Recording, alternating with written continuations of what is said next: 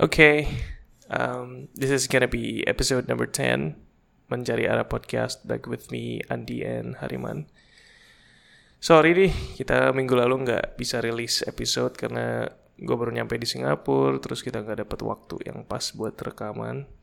Jadi kita skip satu minggu But don't worry, we're gonna be back. So, today we are gonna be talking about something yang kita sering ngalamin tapi biasanya kita nggak terlalu mikirin. Sampai udah selesai terjadi baru kita mikir lagi. Kita pikirin lagi dan kita ulang-ulang lagi kenapa ya waktu itu gue nggak bilang sesuatu ini? Dan sesuatu ini adalah bilang tidak. Saying no to requests by your friends, family, or anyone really. Tapi intinya adalah kenapa kok susah banget buat kita untuk say no to things. Padahal sometimes kita tahu mungkin kita nggak punya waktu atau kita nggak punya kapasitas buat ngerjain apa pun yang itu yang diminta ke kita. But still, it's so damn hard buat ngomong no. So, let's try and think about that and talk about that. Why is it so hard to say no? So I'll give to you my host, my co-host Hariman. Silakan man. Oke, coba ya kalau kita pikir-pikir uh, di hidup kita kita pasti berinteraksi sama teman-teman kita dan kayak sometimes teman kita perlu bantuan dan sometimes bantuan itu bisa kita berikan karena emang kita mampu. Sometimes kita berikan bukan karena kita mampu, tapi karena kita merasa itu menjadi kewajiban kita sebagai teman untuk membantu mereka ya. Tapi pertanyaan di sini, apakah dengan kita membantu di saat kita sebenarnya tidak bisa maksimal membantu mereka itu adalah hal yang baik? Well, sepengalaman gue, kalau gue membantu temen gue ya, di saat sebenarnya gue tidak bisa membantu mereka dengan semaksimal mungkin, itu tidak berujung 100% baik. Gue nggak bilang kayak itu 100% buruk juga sih. Makanya gue bilang nggak 100% baik kan. Gue bilang nggak 100% baik karena pada akhirnya apa yang menjadi objektif kita yaitu untuk membantu mereka jadi nggak bisa benar-benar tercapai dan kadang itu ngebuat relationship gue dan temen gue jadi ada restraint gitu. So well kadang gue mikir setelah terjadi hal itu why didn't I say no? Dan setelah gue pikir-pikir mungkin karena ada ego dari diri gue sendiri atau mungkin karena gue nggak mau mengecewakan teman gue but then setelah apa yang terjadi gue ngerasa gue lebih baik harusnya waktu itu say no. Right mungkin sebelum kita uh, ngebahas kenapa kita harus bilang no kita bisa bahas apa aja kemungkinan yang terjadi kalau kita nggak bilang no right? Jadi of course semua yang dengerin ini gua rasa sih pasti pernah uh, ngebilang yes ke request tapi setelah itu langsung nyesel ngerasa aduh kok gue males ya? Kenapa gue bilang iya ya? Gitu. Nah coba kita bahas kalau misalnya si yang meminta merequest ke kita yang diminta kemudian kita bilang yes ada beberapa option di sini. Yang pertama adalah kita bilang yes karena emang kita mampu dan kita mau ngerjain apa yang di request. Menurut gue sih di sini nggak ada masalah ya, jadi pretty straightforward. Uh, ya lu suka teman lu, terus ya kebetulan lu mampu ngerjain apa yang dia minta, ya udah, lu bilang yes. So the next one is a bit complicated, yaitu lu bilang yes, padahal lu nggak mampu, tapi lu mau. Nah, menurut lu gimana man untuk option yang ini? Oh, jadi mas yang lu bilang tadi itu kita sebenarnya tahu kalau kita tidak mampu membantu tapi kita punya willing oke punya will untuk membantu. Well menurut gue ya um, gini sih uh, lu pikir analoginya adalah misalnya kita ada di kolam renang nih dan kita ini bukan perenangnya handal. Kita cuma sosok mungkin baru start kayak learning how to swim and then tiba-tiba kita ngelihat teman kita yang ikutan berenang ini juga dia tiba-tiba kayaknya tenggelam dan minta tolong kita secara naluri pasti kita sebagai teman kita ingin membantu. Tapi di saat yang bersamaan kita juga ragu akan kemampuan kita untuk berenang. Itu kan posisinya berarti kita ada will untuk membantu dia supaya dia nggak tenggelam, tapi kemampuan kita terbatas. Dan gue lihat di sini ada sebenarnya ada beberapa pilihan. Pilihan pertama adalah kita langsung terjun, kita coba membantu teman kita yang lagi tenggelam itu, tapi dengan konsekuensi mungkin dua-duanya nggak terselamatkan gitu loh. ya buruk-buruknya itulah gitu loh. Atau mungkin salah satu terselamatkan satu tenggelam gitu kan. Itu kan nggak maksimal kan, nggak menghasilkan hasil yang sebenarnya kita mau capai kan. Atau yang kedua, kita juga bisa membantu dengan cara lain, yaitu dengan cara melihat uh, kiri dan kanan dan melihat apakah ada orang yang lebih profesional, ada orang yang lebih bisa daripada kita untuk membantu teman kita itu dan meminta orang itu untuk membantu teman kita. Dan menurut gue kalau kita bisa melakukan hal ini itu lebih win-win karena teman kita pasti terselamatkan dan orang itu juga nggak bakal terdrag sama teman kita dan tenggelam. Right, I think that's a really great analogy and siapa pun yang dengerin barusan pasti udah langsung ngerti lah maksudnya gimana. Berarti intinya adalah kalau emang kita nggak punya kemampuan, tapi kita mau membantu, kita bisa bantu dengan cara lain selain dengan secara langsung membantu apa yang diminta itu. Jadi kita bisa cariin orang, cariin teman kita yang bisa lebih mampu. Misalnya nih, gue dimintain foto buat temen yang mau pre-wed. Oke, okay, gue punya kamera, gue bisa foto, tapi gue nggak pernah nyentuh apa pun itu yang berhubungan dengan pre-wedding. Bahkan untuk foto-foto yang biasa-biasa aja gue juga masih so-so karena gue amatiran.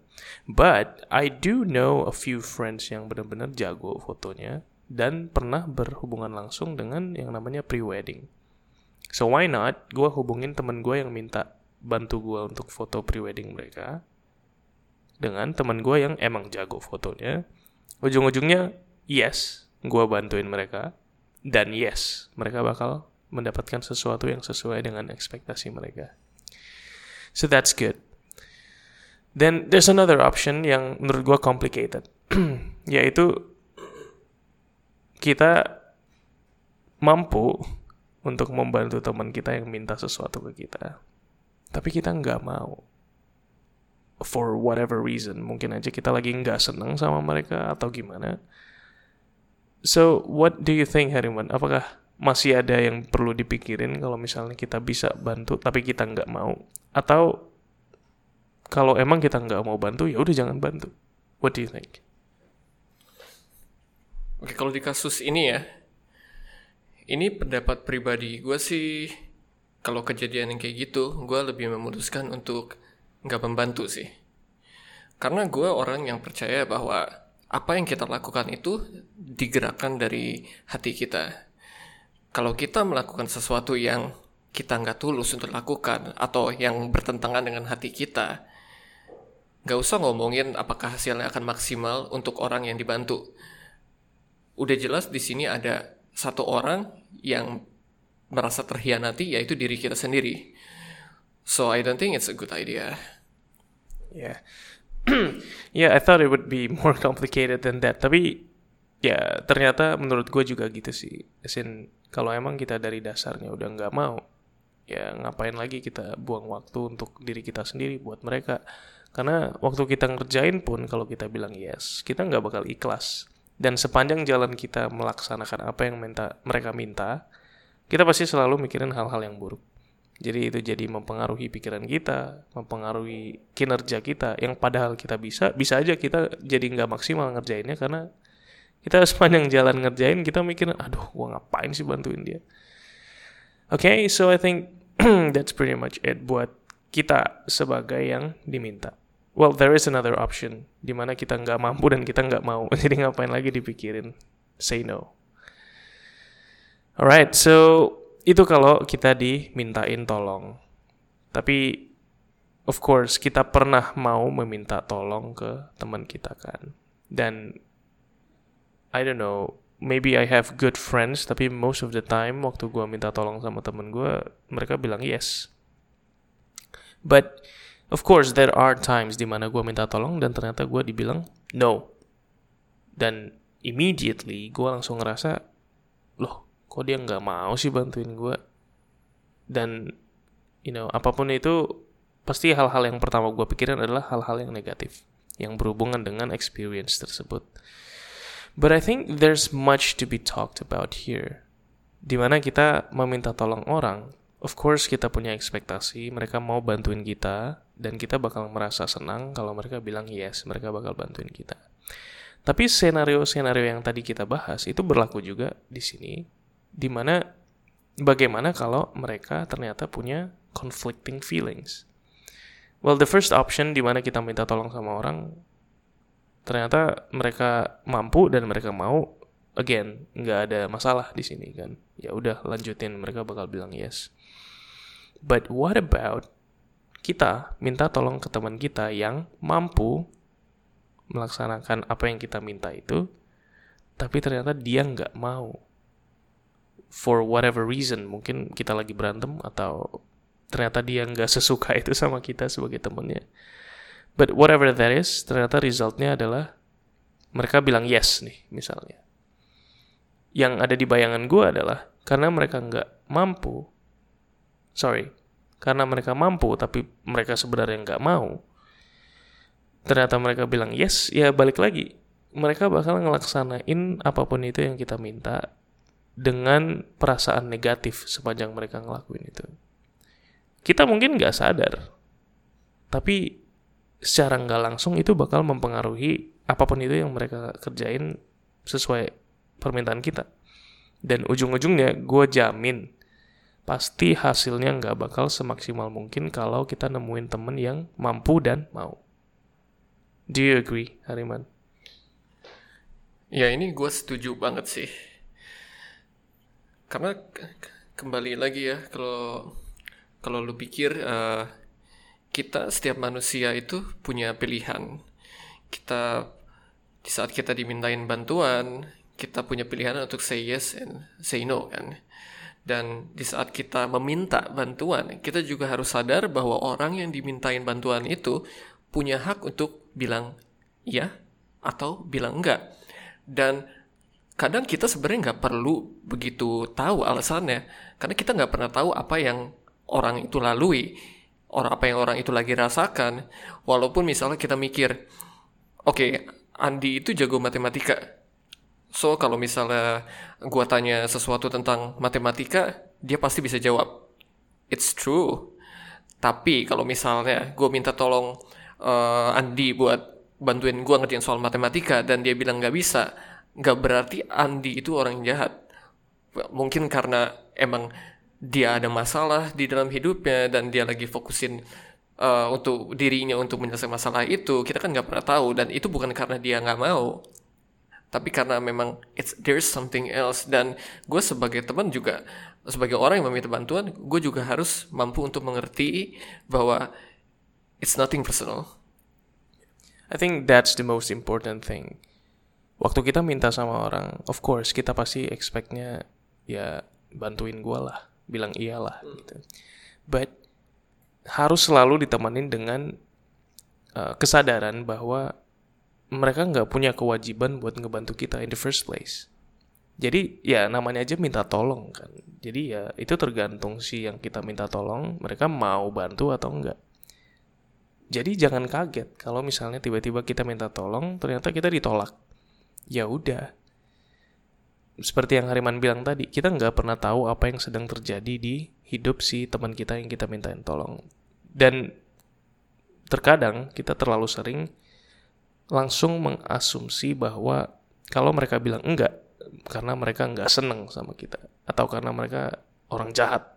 yang padahal mereka bisa bantu tapi ternyata mereka nggak mau gimana sih apaan coba but coba kita spend time dengan experience seperti itu. Misalnya the next time lu lagi minta tolong sama temen lu terus dia bilang enggak well maybe it's a bit tough buat nanyain kenapa or not but the point is coba aja tanyain dulu kenapa.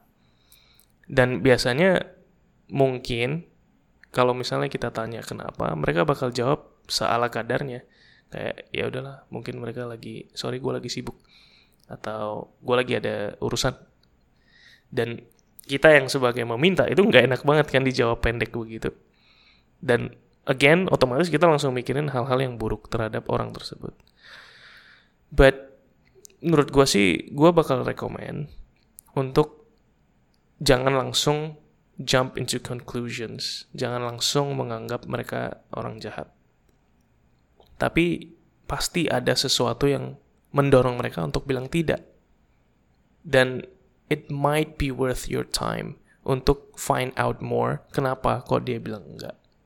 Atau ya udah kalau mereka emang bilang enggak, there's nothing personal, move on. Langsung cari solusi dengan meminta tolong ke teman-teman yang lain yang mungkin lebih ada waktu dan mereka mungkin lebih mampu. Right? Okay, so there's another option man tadi kalau misalnya nih teman kita ternyata mau bantu kita tapi mereka nggak mampu man sebenarnya. Tapi karena mereka teman yang baik nih mereka senang sama kita tapi sebenarnya mereka nggak bisa kalau dimintain ngerjain soal matematika. Yang sebenarnya adalah kasusnya kalau lu minta tolong ke gue ya man by the way. Kalau gue lu minta tolongin solve mathematical problems. But I wanna help you. So what do you think? Sebagai yang meminta ke teman kita kita tahu mereka nggak mampu tapi mereka masih mau bantu kita. Kita sebagai sisi yang meminta tolong, apakah ada cara untuk mengatasi atau bagaimana cara kita memikirkan tentang hal ini? What do you think? Menurut gue sih, ini nggak cuma berlaku di posisi di mana orang yang dimintai bantuan itu punya kemauan untuk membantu tapi tidak punya skill ya. Tapi uh, di di semua skenario di mana kita meminta bantuan dari seseorang terlepas dari mampu atau enggaknya nih. Yang pertama adalah waktu kita meminta bantuan, kita juga harus aware bahwa mungkin bantuan yang diberikan orang itu nggak sesuai apa yang kita expect.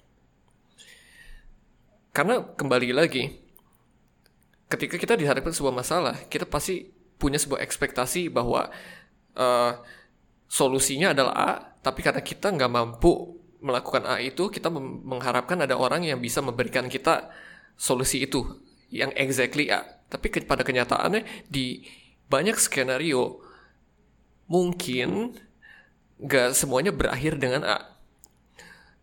Jadi poin gue adalah kita juga sebagai orang meminta bantuan kita harus sadar diri dan grateful di saat ada yang membantu. Tapi kita dan juga kita harus berusaha untuk uh, menjaga ekspektasi kita bahwa mungkin bantuan itu nggak sesuai apa yang kita harapkan. Alright. So I guess it's semuanya intinya adalah kalau kita minta tolong, kita boleh uh, punya ekspektasi uh, orang yang ngebantu kita itu bakal ngerjain sesuatu sesuai dengan ekspektasi kita. But the problem will come kalau kita terlalu menaruh ekspektasi yang terlalu tinggi and you are bound to be disappointed kalau lu terlalu expect banyak. Oke okay, man, sekarang kita coba move on ke apakah kita lebih baik ngomong enggak dibandingkan kita ngomong iya tapi setengah-setengah.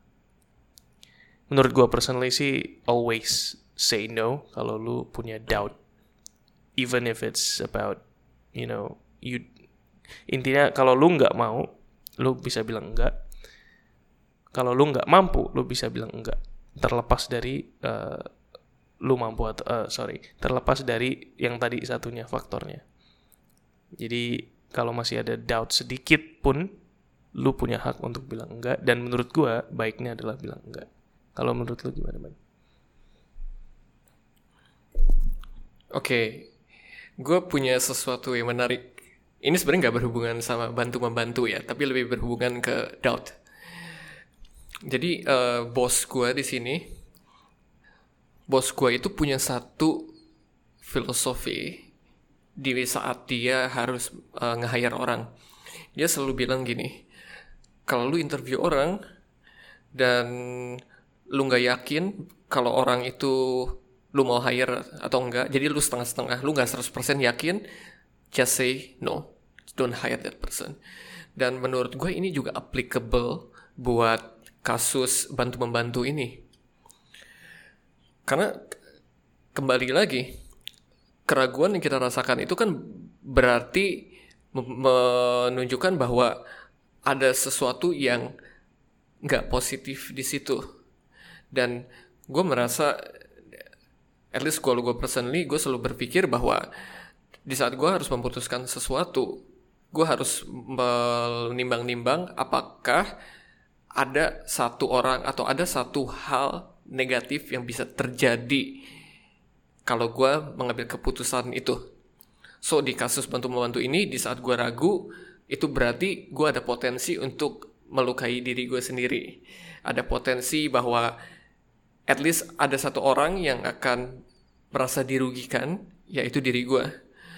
So that's why menurut gue sih kalau misal gue nggak gak yakin atau gue nggak bisa um, uh, untuk membantu orang lain dan gue mending bilang enggak sih.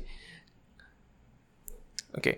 ada satu sisi lagi kan man, kalau misalnya kita tahu nih misalnya kita nggak mampu, tapi kita masih mau bilang yes.